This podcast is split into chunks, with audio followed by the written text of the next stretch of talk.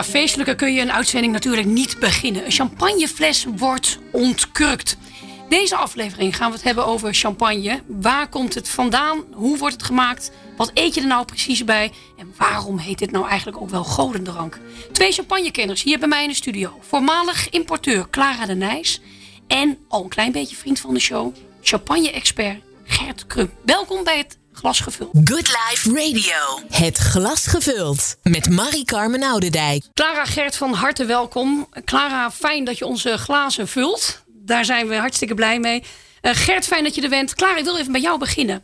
Jouw persoonlijke verhaal. Ik bedoel, wat is jouw passie? Wat is jouw liefde met champagne? Wanneer is het begonnen? Um, nou, eigenlijk is het begonnen op mijn vijftiende. Uh, toen ik uit eten werd genomen door mijn tante, die net terug. Zij zong bij het Nederlands Kamerkoor, was net terug van een tournee in uh, Japan. En trakteerde mij op Japans eten, wat in die tijd alleen nog maar. Uh, dat, dat, was er nog nauwelijks. Alleen bij, in het Okura. En daar kwam een glas champagne bij, wat ongetwijfeld in die tijd een Moet zal zijn geweest. Maar dat hakte er enorm in. Dat was echt iets Positief begrijp ik. Jeetje, ja. ja. ja. En, daarna heb je het nooit meer losgelaten? Nou, ik kwam echt niet echt uit een achtergrond waarbij het gebruikelijk was om dat nou veel te drinken. Dus met een beetje geluk had je met oud en nieuw dat je hier en daar een glaasje bij elkaar kon sprokkelen. Maar later uh, kwam het gelukkig, uh, toen ik zelf de baas was in mijn eigen leven, kwam het inderdaad wel, uh, ja, het is helemaal, het veel meer ja. een rol gaan spelen. Ja. ja. Nou, op een gegeven moment is het ook uiteindelijk je werk geworden. Hoe, ja. hoe heb je die over, overstap gemaakt? Um, ja, nou, het was eigenlijk. Ik was, uh, ben 13 jaar lang thuis geweest uh, bij de kinderen om uh, te zorgen en te doen. Toen op een gegeven moment krapte ik het behang van de muren en dan is het wat gaan we nu is. En eigenlijk ligt het antwoord altijd in je schoot en kijk je er dus daarom eerst overheen. Ehm, maar ik had op een gegeven moment iets, ja, ik moet gewoon, ik wil gewoon daar iets mee gaan doen. Dus toen heb ik eerst een paar wijnopleidingen gedaan. En uh, ben eigenlijk gewoon als een kip zonder kop begonnen. Daar komt het wel ongeveer op neer. 100% er tegenaan. Gert, Krum, wij uh, hebben elkaar natuurlijk al gesproken. Maar nu kijk ik naar Clara. Jullie zijn allebei champagne-liefhebbers. Jullie kennen elkaar dan ook goed? Nou, wat is goed? Uh, we kennen elkaar. En ik denk dat Clara niet ondoorgrondelijk is. Maar ik weet toch nog weinig van haar. Dus ik ben ook heel nieuwsgierig naar Clara's verhaal. Wat ze nu vertelde bijvoorbeeld, is ook voor mij nieuw. Maar we komen elkaar, we kwamen elkaar in het verleden en we komen elkaar nu natuurlijk wel her en der tegen. Zoals vandaag. Ja, dat, dat is het mooie. Mooi samengebracht dus. Maar nou heel even, jij kent haar dan wel van het werk van de champagne. Daar waar jij nu nog weinig over hebt verteld. Ja, nee, ik heb Clara ontmoet in, in de champagnesferen. En des te leuker natuurlijk. Ja, Clara kan ook prima zonder champagne hoor, is het ook heel leuk. Maar uh, uh, met champagne nog mooier. Ja. Want wat deed je daar precies, uh, Clara? Wat, wat, ja, wat deed je in de champagne-streek? Ging je overal langs? Nou, ik, um, ik had als importeur... Um, heb ik uiteindelijk vier huizen naar Nederland gehaald, zeg maar. Vier kleintjes. En ehm, ja, dus voornamelijk, ja, in het begin is het natuurlijk even zoeken van wat, wat wordt mijn uh, uh, collectie, zeg maar. Uh, en dat heeft nodig tijd nodig om dat, om dat op te bouwen en uit te zoeken en te proeven. En, ehm, uh, en dan uiteindelijk, ja, ik haalde altijd alles zelf op en dat soort dingen. Dus is het vooral heel veel heen en weer rijden en dozen sjouwen. En, uh, en ja, continu bij hun langs. Ik ging meestal zo één keer in de zes weken, één keer in twee maanden daar naartoe. En aan wie leverde je? Uh, eigenlijk aan nou, particuliere restaurants, winkels, samenwerking met andere importeurs, wijnimporteurs die het champagneverhaal te ingewikkeld vonden. Uh, makelaars, uh, ja, van alles en nog wat eigenlijk. Ja. ja, en dan toch benieuwd waarom je dat nu niet meer bent. Nou, ik vind champagne echt het absoluut mooiste product op deze hele wereldbol. Maar ik ben zo slecht in verkopen. En dat is echt wel heel onhandig als importeur. Ik, ik vind dat, ik, ik kan dat gewoon niet. Dus het ondernemerschap heeft je eigenlijk een beetje genekt. Heeft me genekt, ja. ja. Nee, ja, ik liep gewoon te veel tegen mijn eigen grenzen aan. Ja. En, uh, ja, dat overal die voet tussen de deur krijgen, dat is niet echt mijn ding. Nee. Nou, dan zitten we hier goed in de studio. Lekker rustig met uh, allemaal... Ja u, u, ja, u, ziet dat natuurlijk allemaal niet thuis. Allemaal lekkere flessen champagne staan hier klaar. En de glazen staan uh, klaar. Fantastisch. Gert, um, Bourgogne-expert. Uh, Champagne-expert. Nu de gewetensvraag. Welke van deze twee krijgt jouw voorkeur? Ik hou van appels en van peren. En uh, het een is uh, stille wijn, witte en rode Bourgogne. En het ander is in 99 van de 100 gevallen mousserend. Uh, en dat is dus niet te vergelijken. Dus het lijkt een ontwijkend antwoord, maar het is gewoon zo. En het is prachtig om met champagne te beginnen en misschien ook wel weer te eindigen. Maar tussendoor een stille witte of rode wijn te drinken. Prima. Dat kan allemaal Kan samen. allemaal. Je zult misschien wel denken, wat drinkt die man veel? Maar... Uh... nou, dat denken we niet, joh. Clara, heel even de, de champagne. Uh, ja, is het bekend of niet? Maar champagne, niet alle dranken mogen zomaar champagne genoemd worden. Nee, het mag inderdaad mag alleen maar champagne op het etiket staan... als het ook uit de champagnestreek komt. Ja. En dat is echt. Het is een uh, heel erg beschermde. Dat, ja, het is een enorm beschermde naam. Ja. Hoe medogeloos ja. is dat dan, Gert? Wat zeg je? Hoe medogeloos is dat? Oh, dat is. Uh, dat, Clara zegt het volstrekt uh, goed, want de officiële instanties, de overkoepelende instantie in Champagne, die beschermt die naam uh, op, een, op een manier zoals geen ander product wordt beschermd. Geen enkele productnaam wordt zo beschermd als champagne. Er is ooit een, een sigarettenmerk geweest, een lucifersmerk geweest, een shampoo geweest, een... Uh, een parfum een, zelfs. Van, volgens mij zelfs een parfum van Een Karl parfum Lager, geweest. Karl zelfs van, zelfs van een, concern van, waar, die ook champagne maakt, LVMH.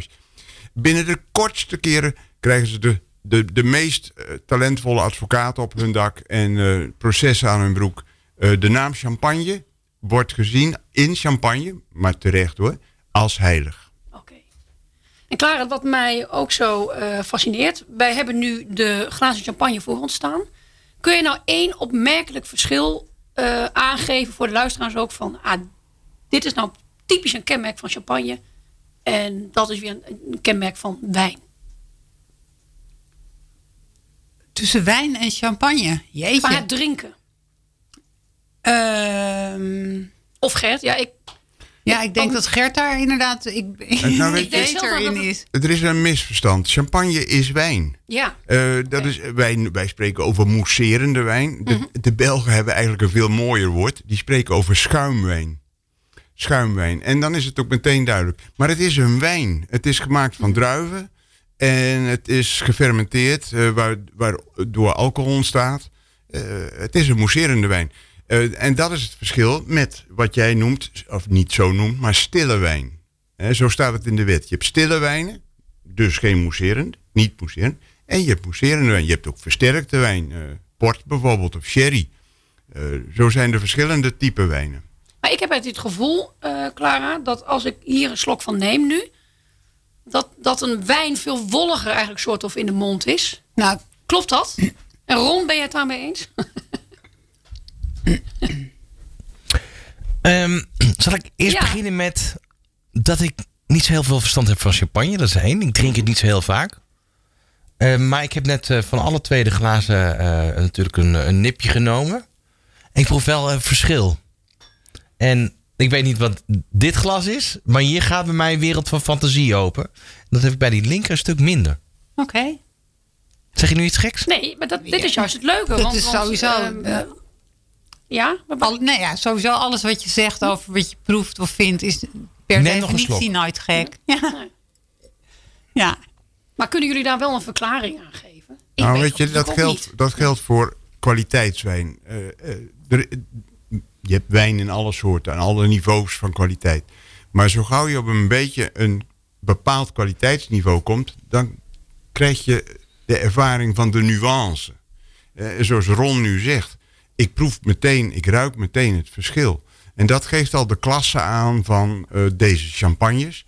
Dat ze een eigen gezicht hebben. Zeg ik dan maar even, een smaakgezicht. Ja, want de champagne die ik altijd dronk, die, die was, als ik dit dan vergelijk, dan hoor ik, heb ik nu wel het idee van, oh, Wacht even, dus zo kan het ook. Uh, vaak een hele matte smaak.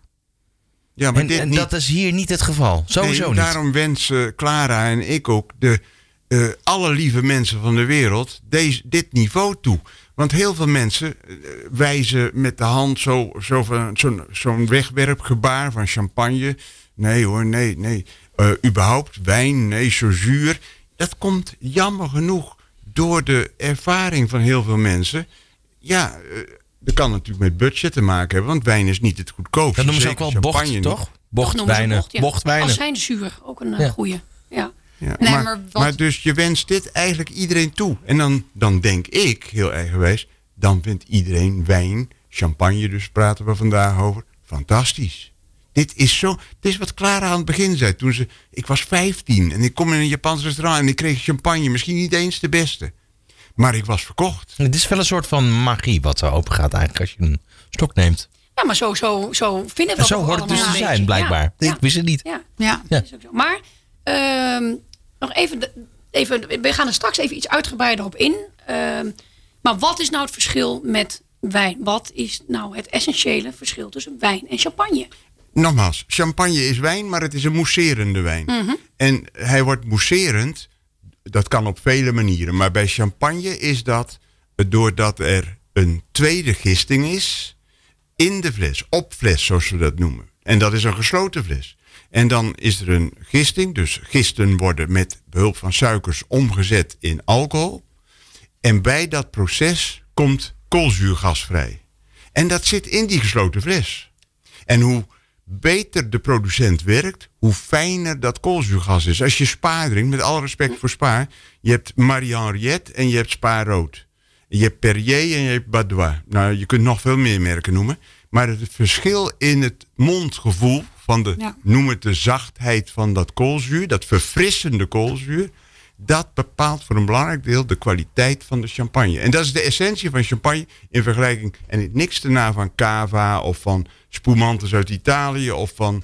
Weet, Prosecco, ja. nou, Prosecco is wel een ander verhaal hoor, laten we het daar niet over hebben. Maar hoewel je ook spumantes hebt uh, in, in Prosecco. Maar de meeste zijn frisanten. Laten we eh, hier even, laten we even het ja. mooie. Het verschil is dus inderdaad die tweede gisting. Dat, dat beetje suiker wat wordt toegevoegd. En gist, uh, En gist, hè? En gist, ja. zeker. Ja. ja, Michel Fugain met Une Belle Histoire geschreven in 1972. Gecoverd door Gerard Kokstrand en Paul de Leeuw. Ja, champagne, Clara. Um, dat is natuurlijk al van heel uh, ouds her. Uh, wanneer, uh, hoe, hoe, ver gaan we terug in de tijd? ja.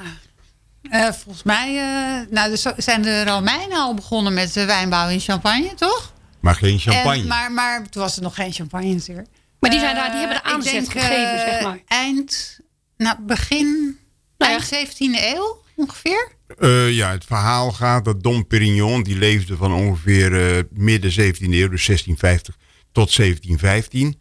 Uh, eh, dat jaar is hij overleden, zijn geboortejaar weet ik niet uit mijn hoofd. Maar die man wordt altijd geassocieerd met het begin van champagne als mousserende wijn. Want in de champagne is altijd al wijn geproduceerd.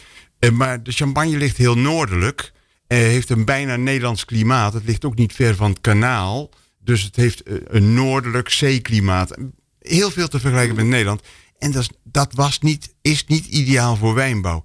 Dus de wijnen uit de champagne, voordat het champagne werd zoals wij het nu kennen, waren schrale, zure uh, wijnen die, die weinig te bieden hadden. Maar toch werden ze verkocht uh, in een grote hoeveelheid in Parijs en met name Versailles.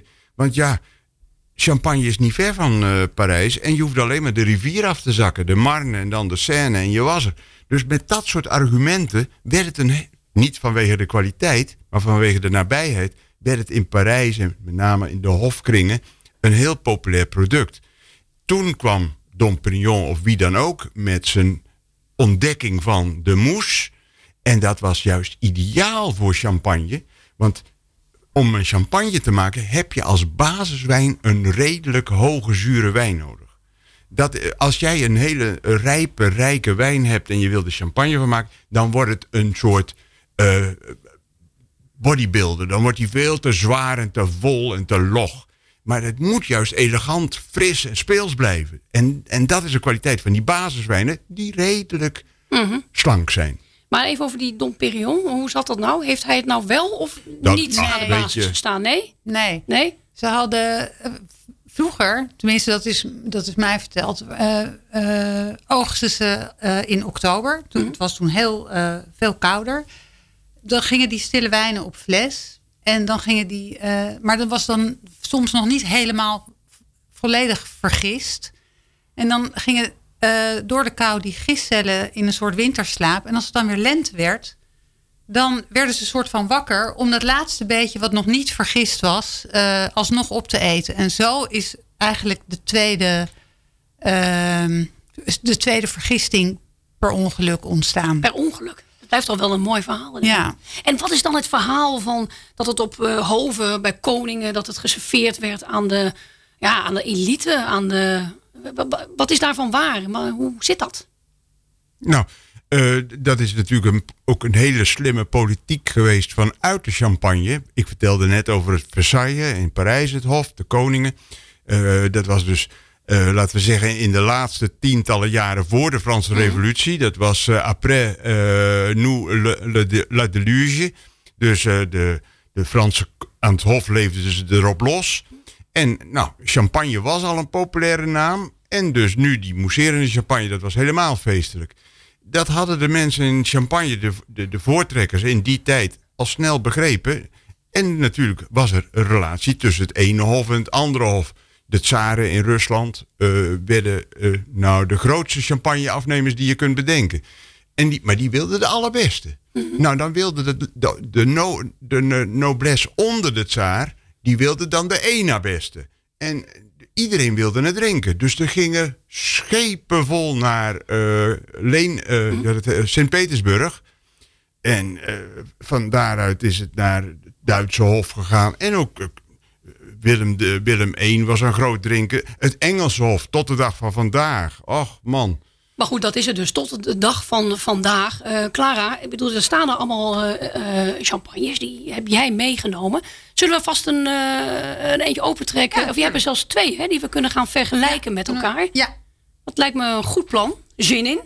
Ehm, nog heel even over die, die, die fantastische eh, ja, champagnehuizen. Ehm, ik vraag dat even aan jou, Gert. Je hebt de hele beroemde, hè, die eigenlijk iedereen wel kent. Maar er zijn er natuurlijk nog zoveel meer. Wat Clara net ook zei. Die ging naar kleinere hè, huizen. Die, dat natuurlijk ook. Wat is het verschil eigenlijk tussen die. Het wil, wil toch niet zeggen dat er- hoeveel geld je betaalt. dat het dan meteen je van het is. in vergelijking met een kleinere champagneproducent? Ja, er zijn heel veel wijngaardbezitters. Echt heel veel wijngaardbezitters in de champagne. En die hebben soms maar een minuscuul perceeltje van eh, een half hectare of nog minder. Soms hebben ze twee of drie hectare, maar te weinig om zelf champagne te maken. Die verkopen hun druiven aan wat nu de grote huizen zijn, de beroemde namen. En die zijn vaak al 200, misschien bijna 300 jaar oud. Eh, bijna 300. Het oudste komt uit 1729, dat is Ruïnaar. Eh, en die, eh, die zijn in staat om die druiven te kopen. Eh, maar die zijn ook in staat om dat hele financieel eh, intensieve proces van champagne produceren. Want het duurt jaren voordat je het eindproduct hebt. En er komt veel bij kijken. Om dat te realiseren. Dus dat zijn de huizen. Daar zijn er ongeveer die echt meetellen. Ja. 250 van. En, en de bekendste, als ik ze mag noemen, zijn natuurlijk Ja. Moet et Chandon, Veuve Clicquot, Ja. Louis Roederer, Bollinger, Kroek. Nou, eh, dat zijn de grote huizen. En de een is veel groter dan de ander, maar we noemen ze de huizen. Wat nu de laatste eh, decennia geweldig in opkomst is, en dat vinden Clara en ik juist zo leuk, is dat met de toegenomen welvaart het mogelijk is voor ambitieuze, ambachtelijke, kleine producenten die het alleen maar eh, van eigen wijngaarden doen en niet van gekocht fruit, dat die hun champagne maken en daar allemaal hun eigen signatuur aan geven. En die signatuur, dat is natuurlijk, dat is nou de champagnes die wij nu drinken, eh, hebben dat natuurlijk ook. En Clara, kun jij, eh, je hebt nu ons allemaal twee glazen ingeschonken. Um, Geef eens een uh, masterclassje aan ons. Wat, uh, wat, uh, wat, drinken we? Wat gaan we drinken? Nou, we, wat we gaan drinken zijn champagnes van eenzelfde huis. Uh, Gosset Brabant in dit geval. En um, het zijn twee champagnes met dezelfde basiswijn. Maar ze hebben een ander dosage. dat is een beetje een heel erg technisch verhaal als de tweede, tweede fermentatie is geweest, die flessen hebben eindeloos uh, uh, in de kelders liggen rijpen, dan omdat er uh, wat gist en ehm, suiker was toegevoegd ehm, voor die tweede fermentatie, mm -hmm. heb je droesem in je fles. Nou, dat wil je niet, die wil je eruit. Ja. Um, dus die flessen die de hele tijd op hun kant hebben gelegen, die worden uh, geremueerd, zoals het heet. En dat is een proces waarbij dat droesem verzameld wordt in de hals van de fles. Op het moment dat dat klaar is wordt, en dat allemaal in de hals van de fles zit, wordt het even heel erg bevroren. En onder de druk van de ontstaande koolzuurgas tijdens die tweede fermentatie schiet uiteindelijk dat prop, als ze de kroonkurk eraf halen, schiet het propje met ijs uit de fles. Daarmee heb je altijd iets verlies van wijn in je mhm. fles. En dat wordt afgevuld met uh, uh, een liqueur van uh, de wijn. Waar, veelal de wijn waar de champagne van is gemaakt. Maar daar kunnen ze ook eindeloos mee spelen, zeg maar. En, ehm, en een bepaald suikergehalte. En dat suikergehalte bepaalt of je te maken hebt met een extra bruut, met een bruut, een demisec, met wat dan ook. Maar je kan ook besluiten om geen suiker aan dat laatste beetje toe te voegen. En dan heb je een bruut zero of een zero dosage champagne. Dat zien we dus altijd op die flessen. Ik zie vaak bruut trouwens. Klopt dat? Ja, bruut is het meest voorkomend. Ja. 85 procent wel van de, van de verkochte champagne wereldwijd is bruut. Ja. Maar we hebben dus nu, uh, zeg maar, uh, je hebt twee glazen voor je. Op links heb je de Brut Zero. Ja. ja. En op rechts heb je de Brut. Maar het zijn dus precies dezelfde wijnen. Al die, al die rijpingsjaren exact dezelfde wijnen geweest. Tot het allerlaatste moment. En dan kan je proeven wat dosage doet. Dan gaan wij eens even proeven. In de tussentijd geven we dan even het woord aan Angel. Met het nummer Balance Ton Quoi. Good Life Radio. Het glas gevuld. Met Marie-Carmen Oudendijk. Nou, ik heb het uh, geproefd. Dit is, ik moet het al even goed onthouden. Um, zeg het maar. Nou, wij hebben de glazen uh, links en rechts. Uh, het, het, eerste glas, in ons geval het rechterglas, is de bruut. En dat, je proeft, hoewel het niet eens zo opvallend is, maar hij is ietsje ronder, ietsje zachter, ietsje voller. En nou ja, je kunt niet van zoet spreken, want het is een, eigenlijk nog steeds een droge wijn. Voor, de, voor heel veel mensen echt droog. Maar de tweede, het linkerglas, is de uh, Brut Natuur, Brut Zero, Zero, Bru, Zero Brut. Maar dus zonder dosage. En zonder dosage is dus 0 gram suiker. En dat proef je meteen. Je ruikt het eigenlijk al. En dat is fascinerend. Dat zelfs op, op, de, op, de, op de geur, op de neus, het een zeker effect heeft. Ehm, maar hij proeft vooral wat strakker, wat frisser. Uh, dat wordt geaccentueerd. En het is dus aan, aan, de, aan, de, aan de koper, aan de liefhebber, om te bepalen wat, wat het best past bij, bij jouw smaak en bij, jou, bij het moment ook. Want er zijn ja, dat vind ik wel een mooi punt wat je zegt bij het moment. Ik bedoel, de meeste mensen uh, zijn toch geneigd om champagne klaar bij, bij oud en nieuw om 12 uur uh, te drinken. Dat ja, dat, uh, dat. Nou, um, als je die ene fles hebt liggen voor 12 uur, uh, dan zou ik zeggen, drink die fles om een uur of zes s avonds. Mm En trek om 12 uur die Prosecco open. Want je bent vanaf 6 uur ben je gewoon al bezig met je, met je biertjes en je tralalaatjes en je wat dan ook. Dus tegen de tijd dat het 12 uur is, proef je van die champagne überhaupt helemaal niks meer. Dus dat is eigenlijk doodzonde. Eigenlijk super, super zonde. Ja. Dus geniet van die fles gedurende de avond. Ja. En doe die 12 uur met je oliebol gewoon met, met een prosecco. Dat het toch op het moment dat het eigenlijk allemaal helemaal niks meer uitmaakt. En een beetje wat je ook zegt, het is ook een, een combinatie van champagne met, met, met de oliebol. Althans, dat doen wij in Nederland. Maar uh, wat, wat eet je eigenlijk bij, bij champagne? Oliebollen. Wel? ja, nee, maar jij, jij, jij benadrukt nu iets wat ik tegen tekeer wil gaan. Nou, doe maar. Dat, dat champagne een, een, een wijn is, een mousserende wijn, een feestelijke wijn. Die iedereen moet kopen en moet drinken. En, en Clara zegt het al, juist dan niet. Mhm. Maar oké, laat dat maar dan. Eh, op het, het moment van oud naar nieuw. Mhm. Maar eigenlijk is champagne helemaal geen seizoenwijn. Eh, die kun je op alle momenten drinken. En natuurlijk feestelijke momenten, verjaardagen, jubilea, eh, eh, examens die eh, goed afgerond zijn. Mhm. Maar ook op hele simpele momenten. Want als je dan champagne drinkt, dan wordt het een simpele moment, wordt een feestelijk moment. Champagne maakt iedereen blij. En maakt iedereen. Oh. Ben ik het echt helemaal mee eens. Ja, iedereen heeft wel eens dat je zo'n fles krijgt. die je eindeloos apart zet voor dat ene bijzondere moment. wat er helemaal nooit van gaat komen. Dus je moet het echt omdraaien en het moment bijzonder maken. door die fles erbij te pakken. Al sta je gewoon kippensoep te koken of wat dan maakt het helemaal niet uit. Nou, dat is wel heel erg fijn om te horen. Dat het gewoon echt vrij is om. eh, En dus, en dus ook bij heel veel eh, eh, eh, tafelmomenten, want dat vroeg je net. Mhm. Eigenlijk, en nou ben ik hier bijna als een soort champagne-ambassadeur aan het praten, maar ik meen het.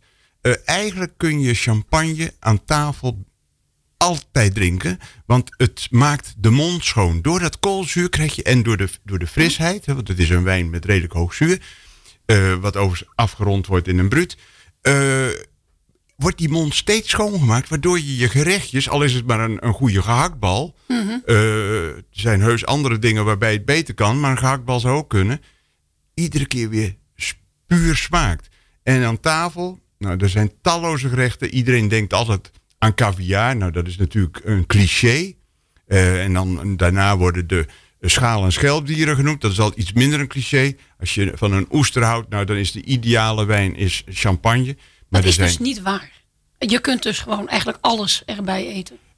niet alles natuurlijk. Nee, nou goed. Eh, maar eh, tot en met kaas aan toe. En dat zullen mensen niet snel denken. Want Nee. in Nederland het kaasplankje is rode wijn. Maar als jij een geitenkaasje hebt... of een hele mooie belegen comté... of een parmezaanse kaas... dat is de ideale combinatie... die gewoon een 10 scoort... is champagne. Nou, dat gaan we eens even laten bezinken. Dit. Het glas gevuld met Marie-Carmen Oudendijk. Ehm, ja, ik wil natuurlijk weer een champagnehuis bezoeken. Zoals ik dat vaker altijd wel iets wil bezoeken. Maar ja, coronatijd, dat wil natuurlijk allemaal niet. Toch ben ik even naar buiten gegaan. Ik ben naar een kerstmarktje geweest. En dat ligt eigenlijk net onder de champagnestreek in de Côte d'Or.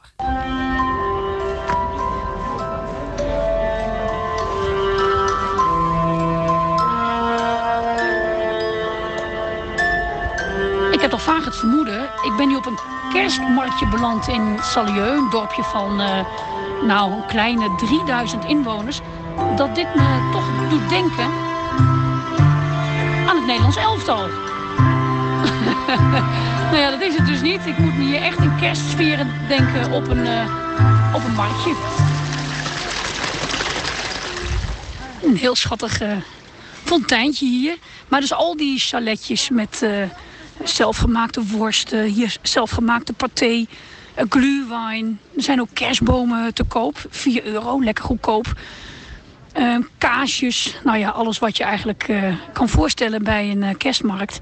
Maar als ik nu zo heel langzaam een beetje naar de zijkant loop, zie ik het fantastische restaurant van Bernard Loiseau. En zijn restaurant heet Codor. En kent u het verhaal van hem? Eh, hij is een hele beroemde, was een hele beroemde chef-kok. En op een moment dreigde hij zijn Michelinster te verliezen. En hij heeft toen zelfmoord gepleegd. En het eh, wrede van het verhaal is dat op zijn begrafenis bekend werd dat hij die Michelinster helemaal niet kwijtraakte. Nou, hij had een eh, behoorlijk imperium. Het begon hier allemaal in dit dorpje Salieu. Hij had zelfs eh, begin 2000 eh, een jaaromzet van eh 7 miljoen euro. Dus dat zegt genoeg. En ik zie nu ook eh, zijn shop ernaast. Eh, de boutique Bernard Loiseau. Dus hij was eigenlijk naast chefkok ook nog een uh, zakenman. Heel veel mensen kwamen hier naartoe. Vanuit heel Frankrijk, vooral natuurlijk uh, uit Parijs. Met helikopters landen ze hier voor de mooiste maaltijden. En natuurlijk dronken ze hier heel, heel, heel veel champagne. Ja, wat schetst mijn verbazing op dit uh, ja, schattige, pittoreske marktje. Er staat een Nederlander. Hoe kom je hier? Wie ben je? Wonen gaan wonen in Frankrijk. ik ben Mark. Ik, ben, uh, ik woon sinds 2013 in Frankrijk. En uh, sinds een aantal jaren doe ik ook op de markt uh, stroopwafels verkopen. Hollandse lekkere stroopwafels. Loopt dat een beetje? Uitstekend. Wordt de schat helemaal rijk van? Nee. Nee, dat loopt wel. Maar ik doe het in het weekend, weet je wel. Ik, ik doe het voor mijn plezier. En we hebben een klein franchisebedrijf. En we verkopen dus steentjes aan mensen die dat willen gaan doen. En vervolgens uh, gaan mensen dat zelf, uh, gaan, gaan ze ook uh, Hollandse stroopwafels in Frankrijk verkopen. Hey, en waar kom jij vandaan uit Nederland? Ik ben geboren in Utrecht. En vervolgens heb ik heel lang in Hilversum gewoond. En nou, daar zijn wij nu op dit moment, voor de radio-uitzending. hey, maar ik, ik, wil je graag vragen. Hè? wij hebben deze uitzending over champagnes. Uh, ik wil eens even weten of de Fransen op dezelfde manier champagne drinken als de Nederlanders. Hoe zie jij dat? Nou, ik zal je het voorbeeld geven. Mijn uh, buurman, is een, uh, een, een, vriend van me, die, die zegt wel eens... kom, we gaan vanavond, kom vanavond wat drinken bij ons. En dan denk ik van, nou, we gaan een glaasje wijn drinken. Nee, dan drink je een cremant. Dat is dan, hè, of als het, als het een echte feestdag is, dan zegt hij... we maken een flesje champagne open. En zo gaat dat hier. Dus je drinkt champagne omdat je het een lekkere wijn vindt. Als je op restaurant gaat, als je naar het restaurant gaat en je hebt, uh, het is mooi weer, dan neem je vooraf een, uh, een, uh, een coupe de champagne. Weet je, als aperitief. En mensen nemen het ook gewoon omdat ze het een hele lekkere wijn vinden. En dat, dat, dat, dat gebeurt best wel veel hier. En dat kan net zo makkelijk gaan als een, een, een, fles wijn. In dit geval dan bij wijze van een fles witte wijn opentrekken. Alleen het, de wijnen, uh, de champagnes zijn vaak wat duurder hier. Tenminste, zo lijkt het. Welke hele... prijs heb je het dan over? Ja, ik denk dat een fles champagne hier gauw uh, 25 euro kost of zo, weet je wel. Een goede fles. En een, fles, een goede fles wijn kun je voor, voor minder ook wel krijgen. Maar het, het is gewoon een, een feestelijke wijn. Het is een feestelijk... Uh, een lekker, een lekker uh, ja, een, een, drankje. dat is... Hey, en heb jij wel eens in, ik zie het hier vanuit mijn ooghoek, um, het beroemde restaurant van Bernard Lezeau, Le Codor. Heb jij daar wel eens champagne gedronken? Bij Bernard Loiseau kun je champagne drinken. En ik heb daar inderdaad een keer gegeten voor een speciale gelegenheid met mijn vrouw. En toen hebben we vooraf, was een lunch trouwens. Want als je het av avondeten is nog duurder. ja. Maar toen hebben we een, uh, een, uh, een lunch genoten. En vooraf hebben we een coupe de champagne besteld. En het mooie is dan, hier krijg je echt een heel mooi glas. Weet je, een mooi hoog uh, glas. En die champagne smaakt gewoon goed, de sfeer is goed, de omgeving is goed. Het is fantastisch is dat. Dat is het lekkerste wat er is. Een, een goede coupe champagne nou ja, als aperitief voor je dat je gaat eten. Echt heerlijk. kan niet beter.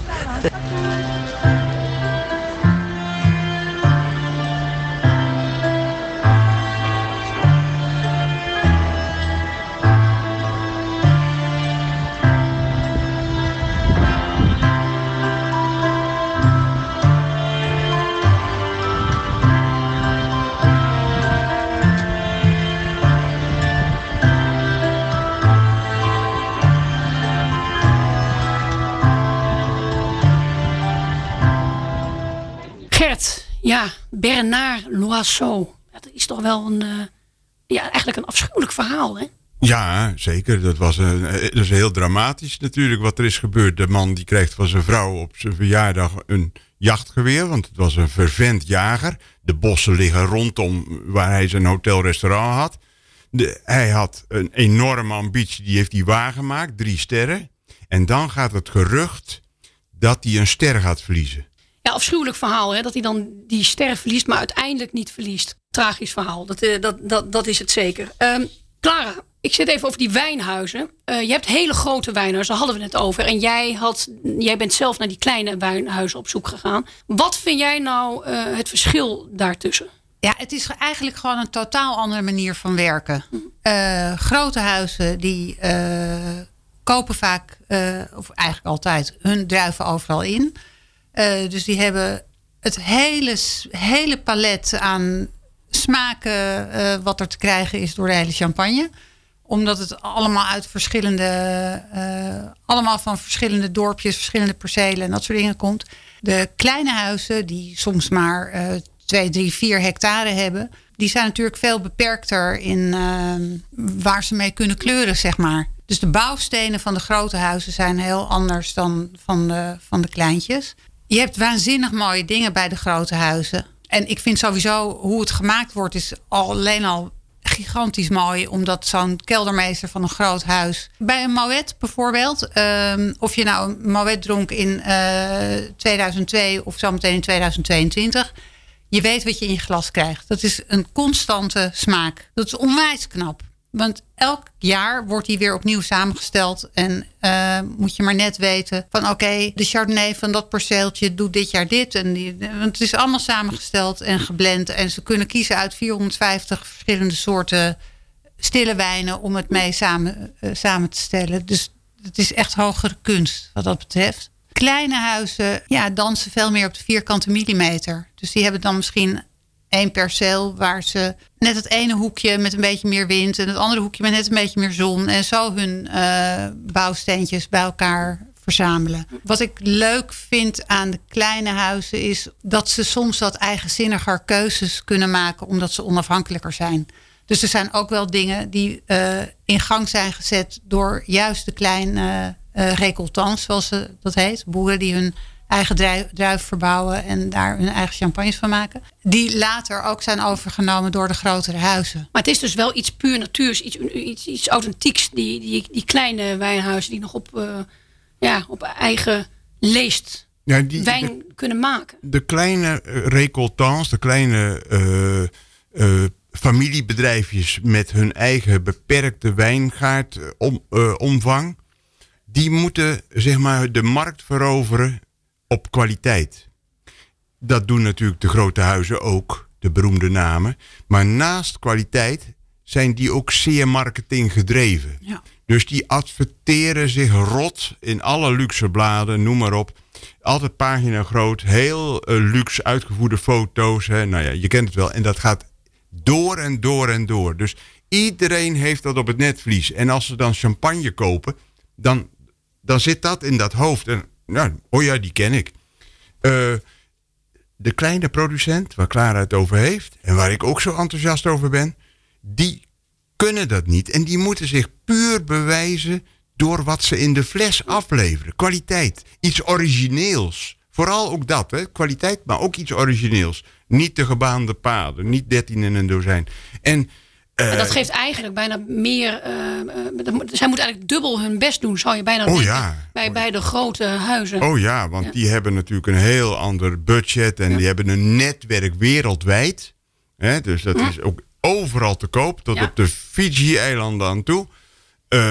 terwijl deze mensen, ja, mevrouw Pompidou doet de administratie. Meneer Pompidou is vandaag aan het snoeien. Ja. En de zoon is uh, zijn vader aan het helpen. en de dochter die gaat straks mama opvolgen. Het, het, zijn familiebedrijfjes. En dat, Clara en ik doen dat niet omdat we dat aandoenlijk vinden. Want het, het is ook wel aandoenlijk soms.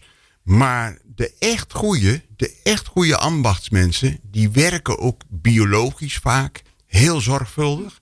En dat is erg belangrijk voor de kwaliteit van het fruit. En als jij een slechte kwaliteit fruit hebt, kun je nooit een mooie champagne maken. Je kunt natuurlijk van goed fruit wel een slechte champagne maken. Maar dat is ook hun bedoeling niet. Dus ze maken zulke mooie. En maar het is wel zo dat, dat het is natuurlijk heel moeilijk. Als ik nu oud en nieuw komt eraan. En dan moet jij, uh, wij in ieder geval, en jullie zitten er natuurlijk heel erg in, moeten uh, iets gaan schenken. Wat zou jij nou, Clara, uh, aan, aan ons, die natuurlijk iets meer de leek zijn, ehm, adviseren? Waar moeten we naartoe en wat moeten we gaan, gaan Nou ja, ik zou sowieso... Kijk, uh, wat Gert net al vertelt, uh, achter die grote huizen zit een enorme marketingmachine waar wij ons helemaal scheel aan betalen. Mm -hmm. Dus uh, je hebt een, vaak een kwalitatief veel betere champagne van een klein huis voor een lager bedrag dan een standaard fles van een groot huis. Dus ik zou vooral uh, niet bang zijn om een champagne te komen met een naam waar je nog nooit van hebt gehoord. Dat is uh, stap 1. En uh, ja, ik zou uh, toch een beetje googlen naar wijnimporteurs en champagneimporteurs. En je kan googlen op kleine huizen. Of, dat zou je juist aanraden. Van, dat, dat zou ik juist absoluut aanraden. Omdat je daar echt intens gelukkig van gaat worden. En, en, en de prijs, ik bedoel, ik zit eigenlijk zelf altijd een beetje van, bedoel, je kunt ook alle kanten op, dat weten we. Maar eh, wat is de goedkoopste variant van. Nou, je moet er... Ik heb het gevoel zelf dat 25 euro dat dat een schappelijke prijs zou kunnen zijn. Nou, dan zit je wel een beetje al aan een soort ondergrens. Ja. Uh, je moet ervan uitgaan dat uh, om een fles champagne te produceren alleen al zit je minimaal aan de, nou, rond de 12 euro, zoiets, Gert? Mm -hmm. En dan heb je nog niks. Ja, dan, dat is wel uh, Dus, je, je, dus ja. veel, meer dan, veel ja. minder dan, dan ja, 25 euro is denk ik wel een soort van ondergrens. Ja, ja. Gert, jij knikt van ja, is wel... 25 euro is echt de ondergrens. Uh, het ligt erg. Kijk, de, je hebt al een heel goede kwaliteit tussen de 35 en 40 euro. Dat is natuurlijk vreselijk veel geld. Dus als jij een bierbudget hebt ja. en je hebt een champagne smaak, ja, dan zit je in een, in een spagaat. Dus ik, ik, ik denk dat het voor Clara net zo geldt als voor mij. Ik besef heel goed dat het, dat het voor veel mensen iets is waar wij over praten. Ja, dat gaat ver boven de mogelijkheden. Maar als je echt champagne wil drinken, moet je eigenlijk niet naar die, sorry dat ik het zeg, ja. niet naar die discounts gaan die het nu gaan aanbieden de komende twee weken voor 15 of misschien nog minder euro's. Uh, dat is het, het, het rioolputje. En dat rioolputje heb je overal, dus ook in de champagne. Ja. ja. En dat moet je niet doen. Oké, okay, maar dat is, een, dat is een wijze tip. En alles wat betreft eten kan er dus bij wat betreft jullie. Altijd. Behalve oliebollen. dat is die weer. Nou, ik weet het. Ron, jij ook. Om zeven uur op uh, Oudjaarsdag zit ik gewoon uh, aan de champagne. En op Nieuwjaarsdag om 12 uur weer. Kijk, dat, dat is het beste moment. Nou, goede tip voor dit jaar. Goed, goed voor meenemen ja, meteen ook. Ja. Ja. Ja. Clara Gert, ik wil jullie uh, hartelijk danken voor jullie masterclass. Voor nu, ik wil, we weten wat we moeten kopen. Ik zou zeggen gewoon fijne feestdagen. Ondanks alle perikelen corona. Maar gewoon een flesje extra. Komt het helemaal goed. Dat is. En de volgende dag dus weer zoals Gert zei. Ik heb uh, iets aparts voor jullie. Deze week is in Amsterdam weer een Nederlandse wijnwinkel geopend. Uh, na tien jaar begint de Nederlandse wijn toch een beetje uh, furoren te maken. twee Nederlandse wijnproducenten die zagen hun kans schoon. en die hebben een bubbelboodschap voor jullie. Clara, Gert, luister even. Linge Bruut. Wat proef je precies? Mm, nou, mooie frisse zuren, lekker droog deze Linge Bruut uh, van het Betuws Wijndomein. Uh, we hebben deze gemaakt van de Johanniter druif. Um, een beetje Riesling type druif is dat. En daar kan je hele mooie mousserende wijnen van maken. Weten we sinds een aantal jaren. Um, deze wijn heeft uh, 24 maanden op de gist gelegen, alvorens dat die werd gedecogeerd. En uh, daardoor heb je een hele mooie zachte moes uh, en een goede balans tussen het fruit en ook al mooie tonen van ontwikkeling, brioche, brood, toastachtige aroma's. nou, een heerlijke wijn om voordat je het kerstdiner gaat beginnen, om lekker de smaakpapillen op te frissen, je eetlust op te wekken. Ik kan niet wachten. Proost. Ja, dit is een hele aparte. Zij zagen dus uh, uh, eigenlijk de kans, Anna en Diederik van de, de Betuwe Wijndomein, uh, om eens een keer een Nederlandse bubbel te promoten. Maar jij kent hem. Ja, nou kennen. ik ken het wijngoed, het wijnbedrijf. Zij doen het samen. En het is in de Betuwe in Buren. Ja. En ja, het zijn hele sympathieke mensen. Maar ik, de wijnen ken ik niet echt goed. Nou, bij deze, want dit was even een, een spontane actie, Clara. Eh, jullie beiden zijn uitgenodigd op dit uh, wijndomein deze zomer en krijgen daar een, uh, een wijnproeverij. Oh, met bubbels. Dus daar Nou, mogen jullie naartoe. Nou, dat vind ik leuk. Kom je ophalen. Ik heb nog één bonusje voor jullie. Luister nog even mee. Nou, wat vind je van zeebodembubbels? Dat is nou echt iets wat we alleen in Nederland hebben. In Lelystad bij daar groeien de druiven op de bodem van de voormalige Zuiderzee. Als je nu door de wijngaard loopt, zie je echt overal de schelpjes nog liggen. En de bubbels, heten bruut en bruisend, worden geheel ambachtelijk gemaakt, precies zoals in de champagne, maar wel van andere druivenrassen. Je smaakt de omgeving, de onstuimigheid van het verleden. Een beetje Flevopoldergeest in de fles gestopt. Nou, ik vind dat wel iets om even te proeven. Die Sylvia, die deed dat ook leuk, hè? Ja, Sylvia uit Lelystad, die creatieve dame. Ja, nou, dat is helemaal goed. En voor jullie, daar zijn jullie ook voor uitgenodigd. Dus volgende keer een rondje langs de Nederlandse huizen. Nou, Dat is fantastisch. Dat is ongelooflijk. We gaan eerst naar de Betuwe en dan naar Flevers, Flevoland. Zo is dat. Oké jongens, nou op naar oud en nieuw.